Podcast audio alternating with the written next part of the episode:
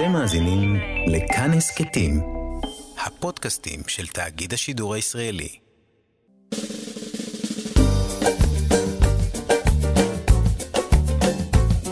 שישים החדש, עם איציק יושע. לחיות בגיל השלישי.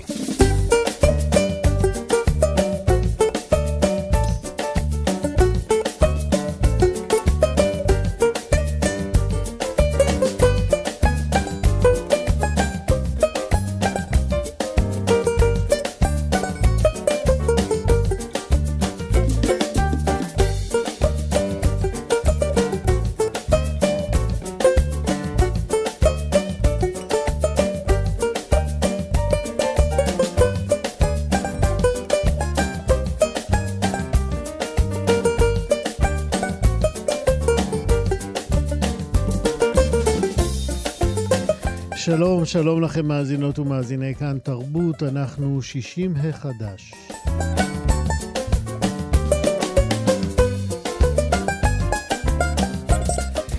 הבוקר אה, נדבר כאן על אה, משלוח תרופות עד הבית, נדבר גם על אה, ספר שירה חדש שמציץ שוב בין השאר אל אירועי סבתא וכיפה אדומה.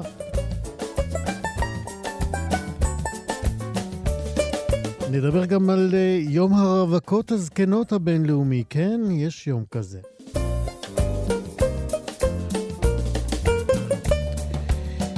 וגם אה, נדבר על אה, פרויקט של תיכוניסטים שכולו מחווה לבני הגיל השלישי. תהיה לנו גם מוזיקה ישראלית ותיקה מראשית הפופ הישראלי ככל שנספיק.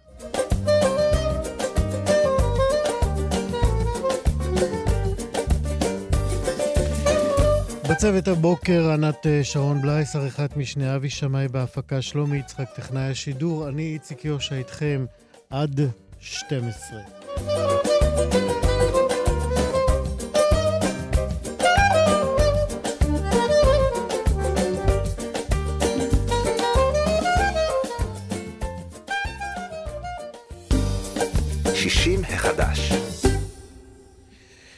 לפני חודשים אחדים אה, בלאומית אה, שירותי בריאות התחילו להציע שירות אה, משלוחים חדש, תרופות עד הבית תמורת דמי משלוח פעוטים ושווים לכל נפש, 15, 15 שקלים בסך הכל. אין ספק שלקשישים ולמי שמרותקים לבתיהם זהו פתרון מפתה, וגם מי שלא בא לו פשוט לצאת לקופת חולים רק בשביל תרופות, אז אכן זה פתרון מועיל ומקל מאוד על החיים. החיים. עכשיו אנחנו רוצים לבדוק מה קרה עם השירות הזה, כמה הוא הצליח, כמה התגברו על מחלות ילדות של השירות אה, ומה חושבים עליו. נותני השירות בלאומית שירותי בריאות. וכדי להרחיב על כך ביקשנו לדבר הבוקר עם אה, טל אה, מנדל, שהיא ראשת חטיבת לקוחות בלאומית שירותי בריאות. שלום לך ובוקר טוב. שלום איציק, בוקר טוב. אז מתי uh, התחלתם בעצם עם השירות הזה, ואיך הוא עלה, איך עלה הרעיון בכלל? אה, אז האמת שהתחלנו איתו די מזמן, עוד אה, לפני שידענו את המילה קורונה ואת משמעותה, בעצם כבר ב-2019 נתנו שירות של תרופות עד הבית, והחלטנו לצאת עם שירות כזה כי הוא חלק בעצם מתפיסה כוללת של הארגון לאפשר לכל הלקוחות לקבל כמה שיותר שירותים, שירותי בריאות לביתם, גם אם זה אה, שירותי רפואה, וגם זה, אם זה שירותי מנהלה, וגם אם זה תרופות עד הבית. ידוע וברור לכולנו שהזמן שה, הוא יקר והתנועה היא קשה, ובעצם לתת שירות טוב יותר זה לאפשר לצרוך גם מהבית שירותים או מכל מקום שהלקוח בוחר. אז תרופות עד הבית היה חלק מזה. איזה עוד בעצם... שירותים אה, אה, אתם אה, שכללתם וארגנתם עד הבית? די הרבה. כל נושא הרפואה הראשונית, שזה בעצם הקשר העיקרי שלנו עם הלקוחות והמטופלים שלנו, כיום בעצם אפשר לשוחח עם הרופא האישי בטלפון, אפשר לעשות איתו שיחת וידאו. כל נושא של החזרים והתחייבויות בעולמות המנהלה, כמובן שקביעת תורים, הרבה מאוד אה, אה, שירותים ניתנים היום אה, לעשות מרחוק. זו בעצם אה, אסטרטגיה שלמה שאנחנו עובדים בה אה, די באינטנסיביות וכבר עם הרבה מאוד שירותים מרחוק. הבנתי. כמה, יש לכם בוודאי מעקב אחרי היקף uh, השימוש בשירות הזה של משלוח תרופות. כמה באמת השתמשו בשירות הזה מאז שהתחלתם אותו? אז קודם כל, כמו שאמרתי, התחלנו אותו ב-2019, ולא ב... לאט-לאט השקנו אותו בצורה מדורגת בשביל להגיע לשביעות רצון גדולה וללמוד ולהכיל אותו בצורה נכונה בארגון. נותנים את השירות הזה לכל הארץ, כל רחבי הארץ, אה, בזמני אספקה של 24 עד 48 שעות. אה, מי שבוחר לקח, לעשות בו שימוש יכול לקבל גם ייעוץ רוקחי טלפוני. גם אפשר לעשות את ההזמנות בטלפון. זאת אומרת, מי שמתקשה אה, בדיגיטל, או שבכל זאת רצה לעשות, אה, לקבל את השירות טלפוני, יכול גם לקבל אותו טלפוני. מה זאת אומרת אנחנו... ייעוץ רוקחי? במה הרוקח יכול לייעץ על תרופות שהרופא רשם? אה, הייתי רגיל לקחת את התרופה הזו, אני רואה שהרופא רשם לי תרופה אחרת, האם זה אותו דבר, האם זה מתנגש עם תרופה אחרת, אה, לקחת אותה, אני לא רגיל, לא, לא לקחתי אותה מעולם, אני צריך אה, לקחת אותה אחרי אוכל, כל מיני שאלות, כל, כל לקוח ושאלותיו הוא, אז יש, לנו את ה, יש לו את היכולת להרים טלפון ולקבל ייעוץ של רוקח. בנוסף, אני יכולה להגיד ש... השירות הזה, יש לנו כ-70% מהלקוחות שמשתמשים בו הם לקוחות חוזרים. זאת אומרת, אה, שביעות הרצון גבוהה, ומי שמנסה פעם אחת ורואה ש, שטוב לו, אה, מזמין שוב. אני יכולה להגיד שקשת אה, הגילים היא, היא רחבה מאוד, מגילאי 20 פלוס ועד גיל 90 פלוס, גם בגילים כאלה. דיגיטל הולך והופך להיות משהו מאוד מאוד נגיש לכולם וזמין לכולם. איך אתם, באמת, מה אתם באמת עושים uh, כדי שבני הגיל השלישי, שלא כולם, uh, או רבים מהם uh, עדיין uh, uh, לא בעלי אוריינות דיגיטלית uh, ויכולת uh, ונגישות ממש לפלטפורמות האלה, איך אתם עוזרים להם בזה? לאחרונה בדיוק צילמנו מספר סרטונים שמסבירים על כל עולם הדיגיטל בלאומית בצורה יותר מפורטת, אה, גם בשפות שונות וגם אה, אה, בצורה יותר לימודית, שלב אחרי שלב, ממש למי שקשה לו יותר. ברור לנו שמי שנולד לא צריך שום הסבר, שלושה קליקים וכבר חי, כי המערכות בכל החברות בסופו של דבר הן די דומות אה, וכולם עובדים בצורה די... אה, מי שמכיר את זה כבר יודע להשתמש, אבל אנחנו גם באמצעות אותם סרטונים, גם באמצעות המרכזים הרפואיים שלנו, גם כן, הנציגים שלנו שולטים בחומר ויכולים לעזור במוקד השירות, עוזרים במידת הצורך, וגם אנחנו מחויבים לפתח כל, כל נושא דיגיטלי בצורה הקלה והנוחה ביותר, ושוב, זה לא תחליף מלא. זאת אומרת, תמיד אפשר להיכנס לאחד מ-135 אה, אה, בתי המרקחת שנמצאים אצלנו בסליפים ולקבל את השירות.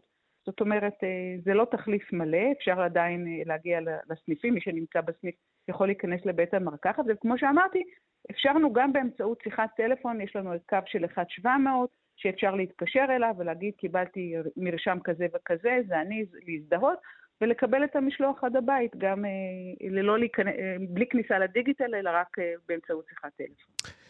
ומכיוון uh, שמדובר uh, בתרופות, uh, מן הסתם זה לא כמו שמשנעים פיצה או משלוח מהסופר. איך אתם ערוכים במערך המשלוחים שלכם לשנע תרופות שאולי צריכים, צריכות להיות בטמפרטורות שונות? אז באמת, מכיוון שהיינו הראשונים בשוק שיצאו עם, השירות הזה, אז היה פה תהליך למידה ארוך אה, בשיתוף אה, עם משרד הבריאות, שבעצם על פי הכללים וההנחיות שלו בנינו את השירות על מנת לעמוד בכל התקנים והצרכים של אה, שילוח תרופות. כמובן שזה נשלח בקירור, יש רשימה ארוכה של נהלים שעל פיהם אנחנו עובדים על מנת לעבוד בצורה נכונה על פי משרד הבריאות. וכמובן שזיהוי הלקוח זה שוב, אני לא מוסרת את התרופה אה, למישהו שלא מזדהה מראש או שלא מסר ייפוי כוח מתאים מראש. זה כמו שאמרת, זה לא משלוח פיצה או בגד או משהו אה, מעין זה. אה, עובדים על פי נהלים מדוקדקים של העברת תרופות, כן אני אומרת שאפשר לקבל את התרופות או עד הבית או לכל מקום אחר שיבחר הלקוח, אם נוח לו לקבל את זה אה, לעבודה, בשעות העבודה או, או למקום אחר, אז גם זה כמובן אפשרי. כן. עד כמה באמת אה, התגברתם על אה, אה, מחלות הילדות של השירות הזה? אה, אני מרגישה כבר בטוחה, אנחנו כבר אה, די הרבה זמן עם השירות. נכון שיש פה מצד אחד חינוך שוק, לגרום ליותר ויותר אנשים להצטרף, אבל מבחינת אה, תהליך הלמידה בארגון, חשוב להגיד, אנחנו עושים את זה עם חברת בלה, מבית בי. אה, אנחנו ביחד כבר די הרבה זמן אה, אה, פעילים, אנחנו כבר שנתיים לתוככי השירות, אז אני לא, לא מרגישה שיש יותר מדי, כמו שאמרתי, השקנו אותו שלב אחרי שלב, היום נותנים אותו לכל הארץ. אנחנו כבר עובדים בו בביטחון מלא, אני יכולה להגיד שאפילו הגדלנו לעשות עכשיו בשומר חומות, במבצע הצבאי שהיה, והחלטנו בשביל לאפשר ללקוחות שלנו, שלא בקלות יכלו לצאת מהבית ולהגיע לבתי המרקחת, אה, ביטלנו את דמי המשלוח ושילחנו את התרופות בתקופה הזו אה, ללא עלות דמי משלוח, מה שהביא לקפיצה של מאות אחוזים בביקושים, ובאמת טיפה איחור באספקה, לאור כמות הביקושים הגדולה. Mm-hmm. וגם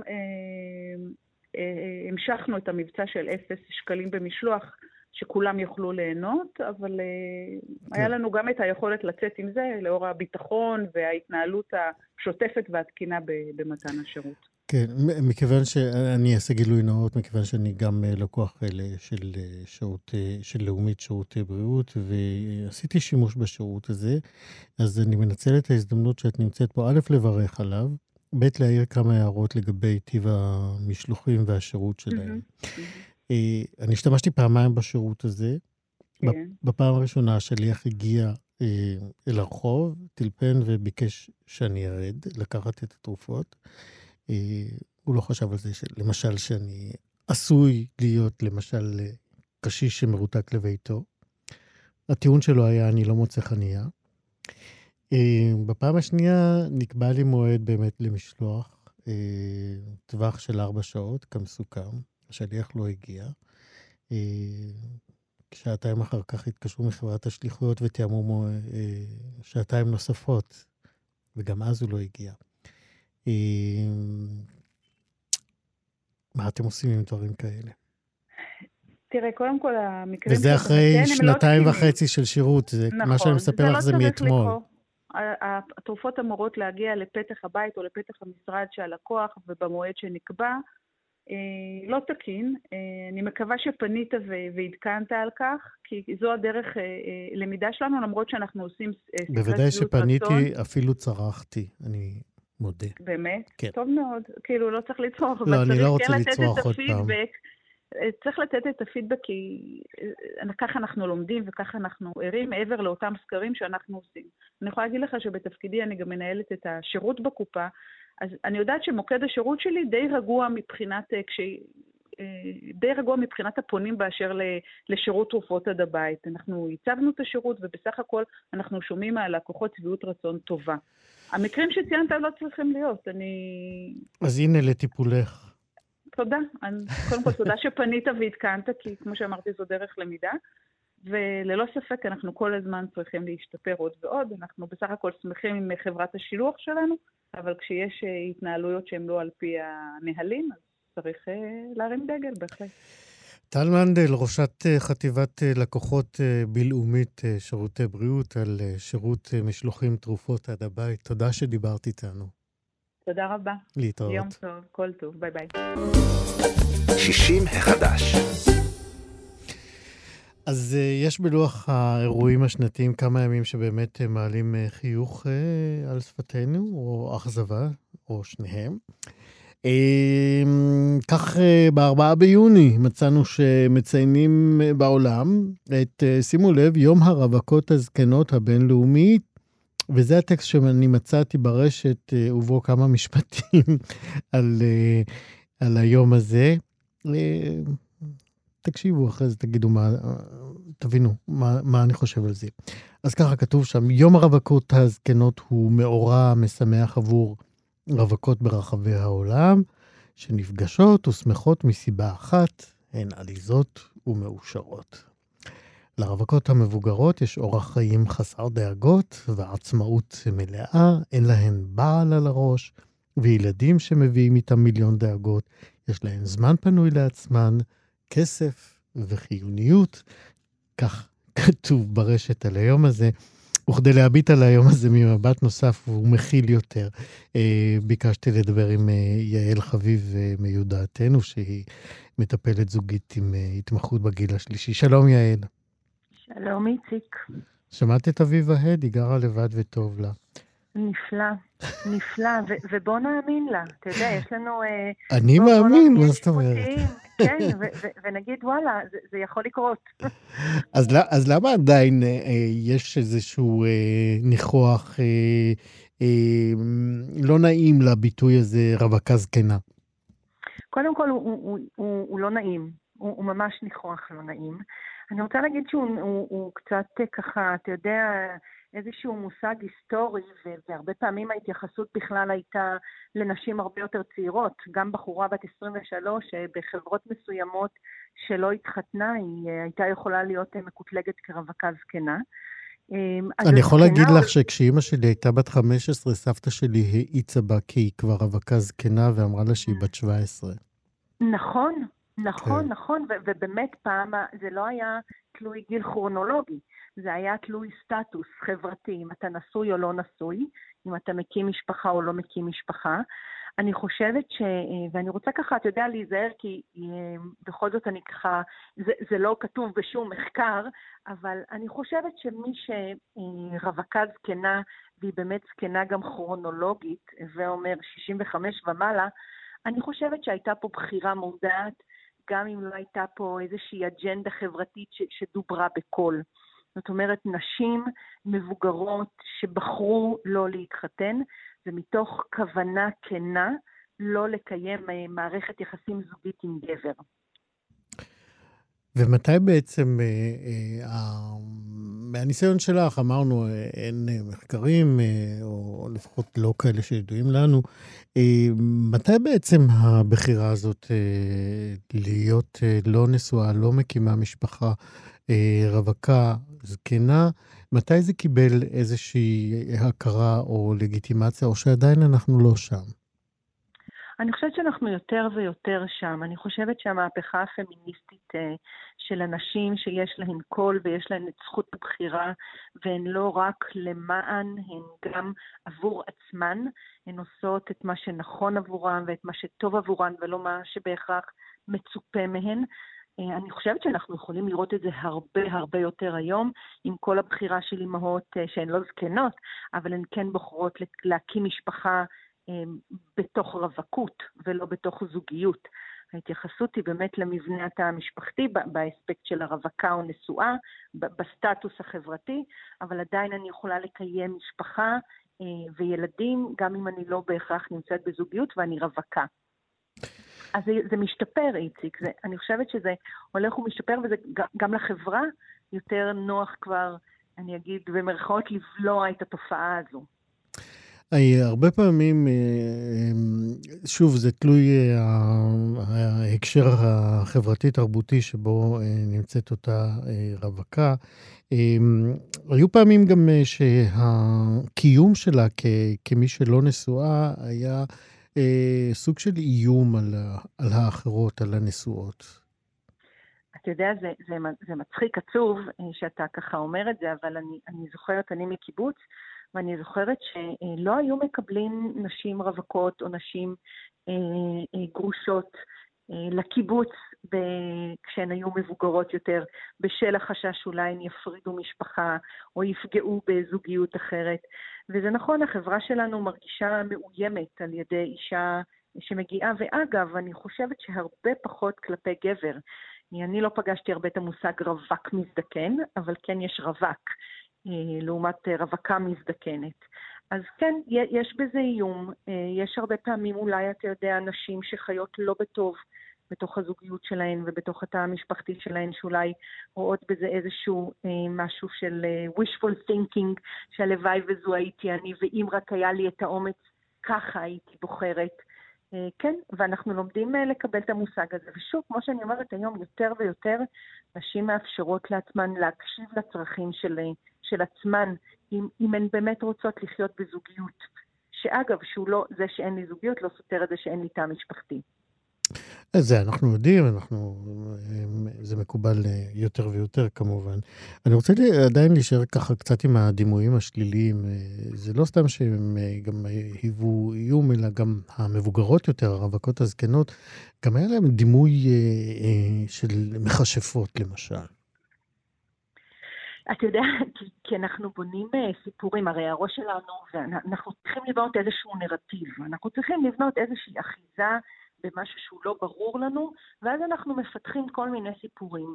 ולא ברור לנו איך אישה בוחרת לחיות לבד, איך אישה אולי בוחרת לא להיות אשת איש, אה, איך אישה בוחרת לא ללדת ילדים, איך אישה בוחרת אולי או חיה ללא אה, יחסים, יחסי מין או יחסים אינטימיים עם גבר או עם אישה.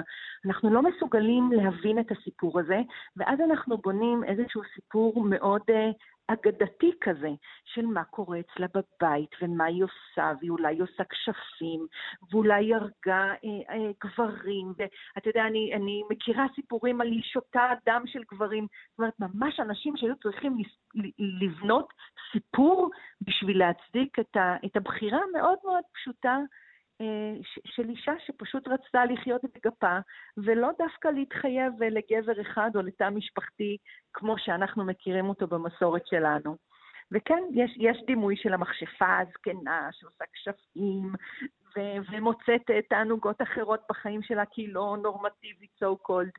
אבל uh, אני שוב אומרת, uh, אני חושבת שהרבה מונחים uh, הופכים להיות הרבה יותר פסה ככה, בשיח שלנו מתוך המקום של הלגיטימציה, כי אנחנו רואים את זה יותר ויותר. אנחנו פוגשים את זה יותר ויותר. אז ב-4 ביוני יחגגו בעולם אה, את אה, יום הרווקה הזקנה הבינלאומי. את יודעת על אה, איך מציינים את זה בעולם?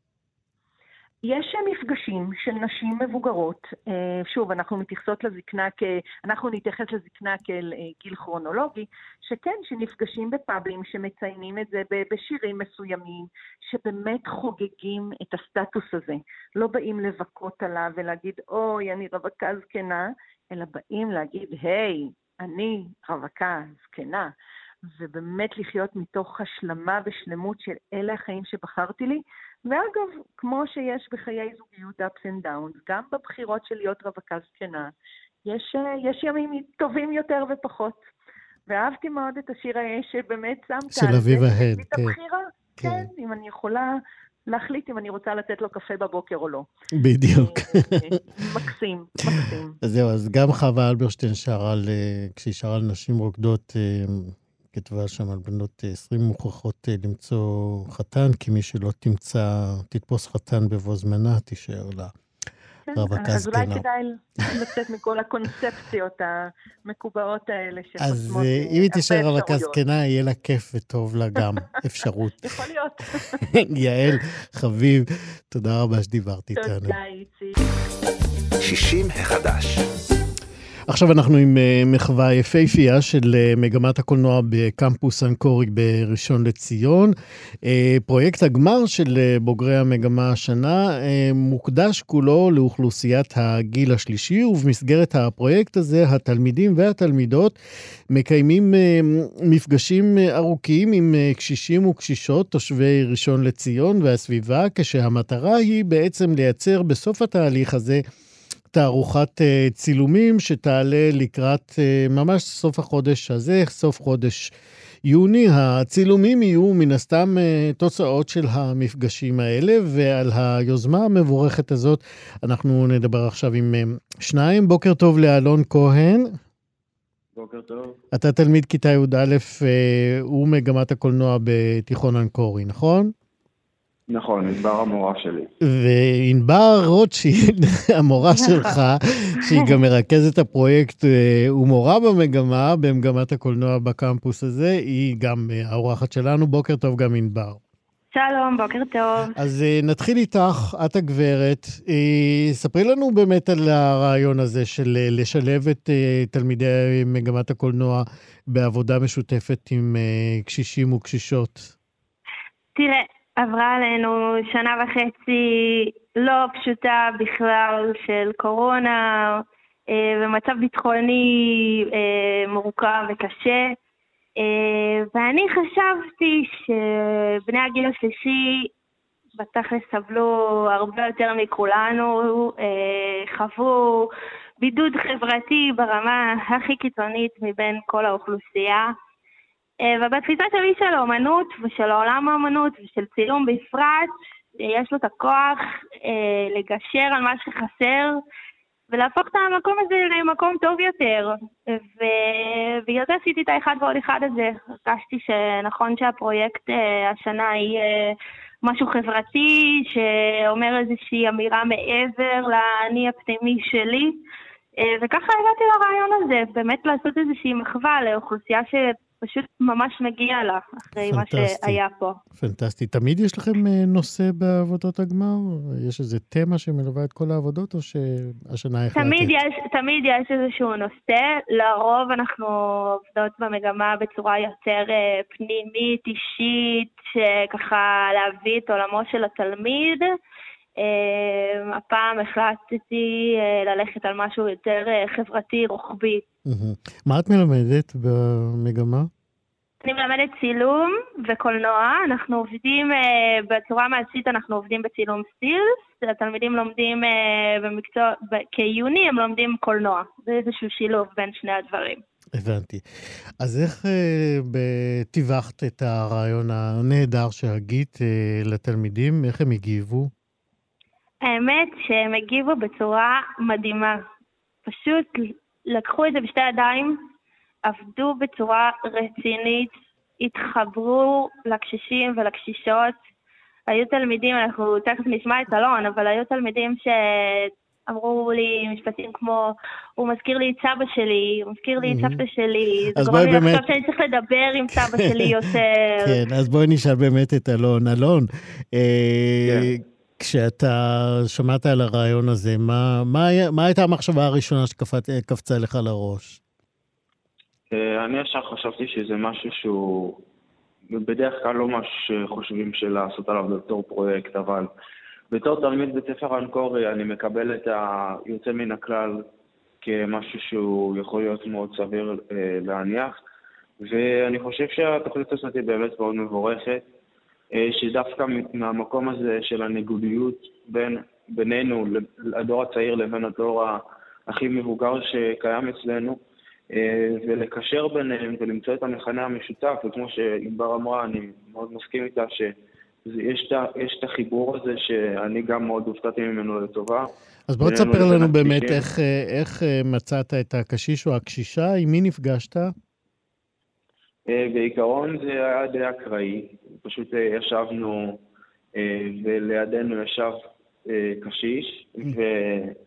ואז פשוט המשיך בצורה טבעית משם, מי שישב אותו... מה, ניגשתם אליו ואמרתם לו, אנחנו תלמידים במגמת קולנוע ואנחנו עושים פרויקט, אתה רוצה להשתתף? איך זה עבר? נתנה רקע בפגישה לגבי מה הולך להיות. הם גם היו מוכנים מראש לגבי מה שהולך להיות. מי זה הם? זה לא... הקשישים, הם לא, זה לא שפתאום רגע, חסרה לי כאן חוליה, אולי ענבר תעזור. איך אה, חיברתם בין התלמידים לקשישים? איפה הוא? אנחנו, אני אה, יצרתי קשר עם בית הקשיש בנס ציונה, אה, ושם יש מישהי שהיא אחראית על פרויקטים קהילתיים. היא אספה את הרשימה של הקשישים והקשישות שרוצים לקחת חלק, אה, ואני הגעתי עם התלמידים שלי. לבוקר... כמה, ובא... כמה קשישים כן. נענו לאתגר? אה, שבעה עשר. שבעה עשר. אוקיי, כן. נחזור רגע לאלון. אז אתה נפגשת עם אה, אחד הקשישים. מה, מה נכון. הסברת לו? מה, מה עשיתם בעצם? הוצאת אותו, בחרת לוקיישנים? איך זה, איך זה עבד? קודם כל זה תהליך שלוקח כמה מפגשים, זאת אומרת שיש לו גם כמה שלבים. והשלב הראשון זה ש...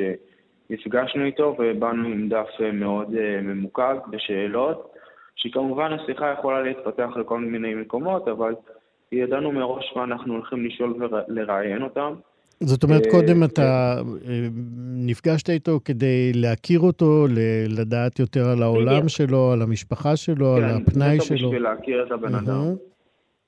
מה למדת על הקשיש שאתה נפגשת איתו? למדתי כל מיני דברים, אבל אני חושב שמה שנשאר אצלי הכי חזק זה הגישה שלו, הגישה שלו לחיים, כי זה בעצם מה שאני מנסה לקחת מהדור הזה, שיש להם הרבה ניסיון חיים, והדרך שמתבוננים על החיים היא מאוד בוגרת ומאוד מנוסה. וכשהיו ברעיון אה, כל מיני שאלות מקוונות של מה היית עושה לכאורה כשאתה מסתכל אחורה, או איזה דברים היית משנה, והיה לו גישה של היו דברים טובים יותר, היו דברים פחות, ולהסתכל אחורה ולחשוב מה היה ככה, איך הייתי עושה אחרת, זה לא, זה לא מחובר למציאות, ואני, והוא מאוד מאמין בגישה של אני מסתכל קדימה. כן, ואז... ואני חושב שזה משהו שאני אקח לעצמי, כן. אה, בתור אה, ההבנה הזאת שזה חלק מהחיים וזה גם מעצב את מי שאנחנו. כן, אני רוצה להישאר איתך עדיין, אלון, אני רוצה להישאר איתך עדיין בצילום. אה, אחרי, במהלך המפגשים, מן הסתם כבר מתגבש אצלך איזשהו רעיון איך אתה רוצה להציג את הזקן הזה. אתה רוצה אה, להציג אותו שמח, אתה רוצה להציג אותו אה, עצוב, אתה רוצה להציג אותו מהורהר. איך, איך אה, החלטת על האופן שבו תצלם אותו ואיך תציג אותו? אוקיי, okay, אני מהחוויה האישית שלי פחות התייחסתי לרגשות, אלא יותר איך, איך לקשר את ההוויה שלו שמה ואת מישהו לתוך התמונות שלי. אה, בין אם זה אה, ללכת למקומות שאהובים עליו שמה, לצלם אותו מזוויות שרואים את, את כל ה... נגיד אוסף בולים שלו, שיש לו אוסף בולים באמת ענק. ומלא בטוב, וגם uh, לעשות תמונות אפילו פוטרט של הבן אדם, במקומות שזה יעשה טוב לעיניים. יפה. ענבר, uh, הצילומים האלה, הפרויקט הזה מן הסתם יוצג, ב... נכון? נכון. איפה נכון. ומתי? מה שקורה עכשיו זה שבעצם אנחנו ממשיכים לעבוד, כל תלמיד מייצר אה, סדרה, מיני סדרה, שהסדרה הזאת פנויה גם מצילומים של הקשישים עצמם, אבל גם אה, צילומים שמביאים את עולמם. אני יכולה לתת לך דוגמה, אה, שתלמיד אה, ישב וראיין קשישה שהיא ניצולת שואה, והסיפור של השואה הוא מאוד מאוד חלק מההוויה שלו, והוא צילם תמונה אה, של ניצן קטן שצומח ככה בין הסדק בכביש.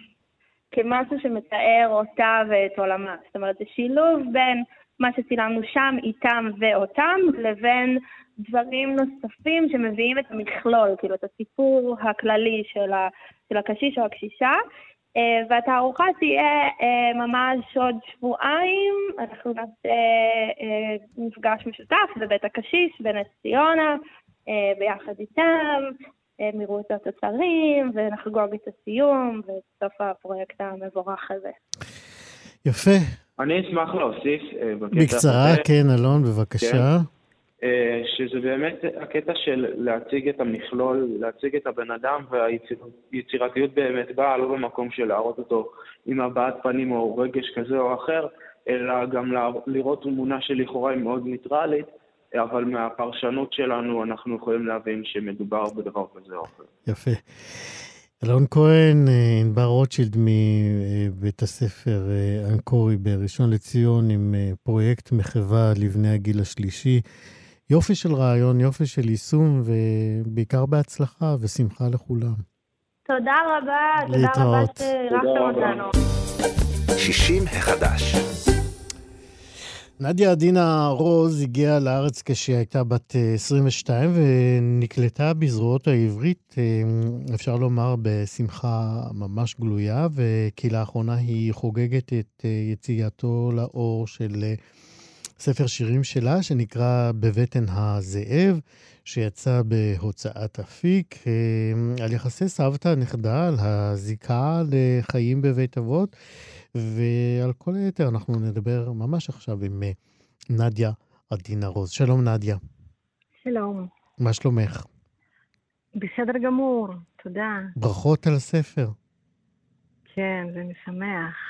אולי נתחיל באמת אה, עם השם שלו, בבטן הזאב, שככה לוקח אה, את כל מי שמכיר את אגדות הילדים, ובטח את כיפה אדומה, לאירוע די טרגי. הזאב והרשע טורף את סבתא, וכיפה אדומה, התמימה, נתקלת נכון. ברשע, פנים אל פנים, פעם ראשונה בחייה. נכון, לגמרי. אולי נקרא את השיר הראשון שפותח את הספר ומתכתב עם שמו, בבקשה. אה, שנקרא עיניים גדולות כל כך. בבקשה. טוק, טוק טוק. כמו דרך עינית הדלת התבוננתי במכתב שבו הודיעה אמי, סבתא נפטרה. משם, משם, חייתי במקום ללא יערות, ללא ציידים. לא הכרתי את המוות. את המעטפות שהגיעו אחר כך פתחתי כמו את אה, בטן הזאב, בציפייה לסוף, לסוף טוב. למה בחרת השיר הזה? אה, זה פעם ראשונה שנחשפתי למוות, וגם הייתי בארץ, ההורים שלי וסבתא עוד היו במוסקבה, מהמם. ולא ראיתי מול עיניים איך זה קורה, ולא ליוויתי את סבתא למעשה ב- בשנים האחרונות, ו... ו...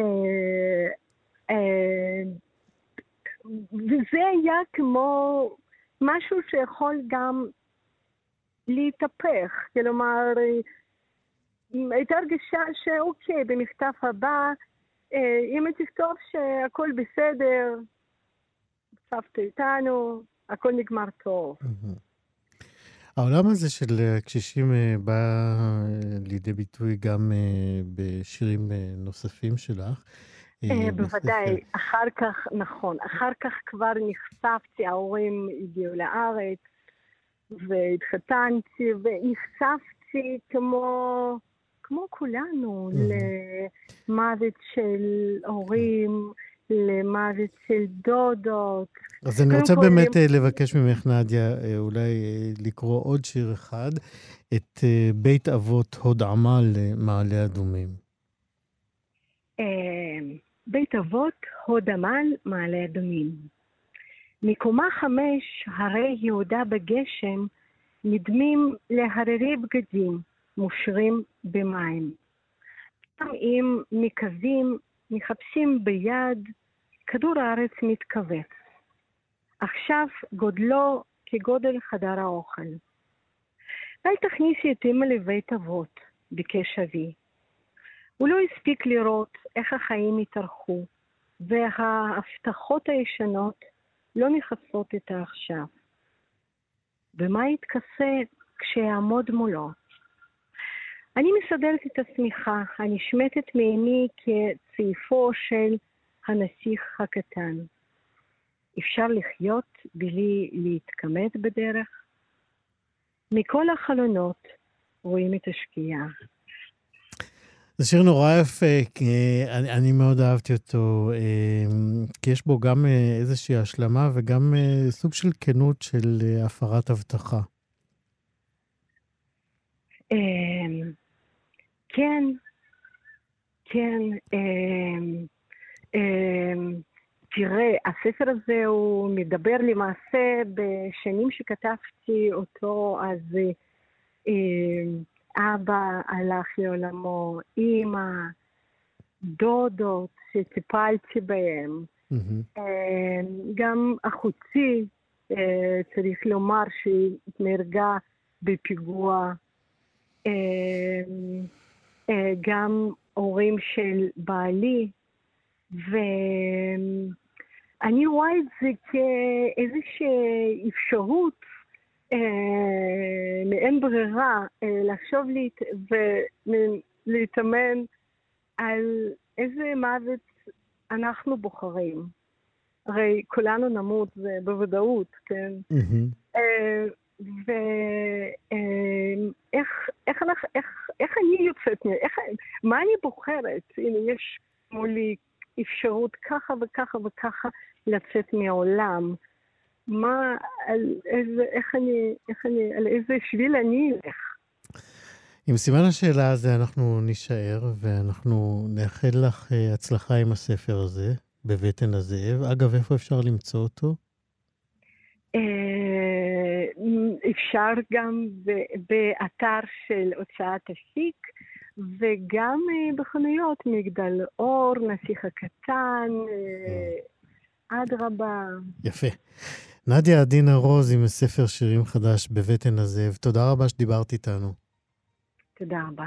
להתראות. להתראות.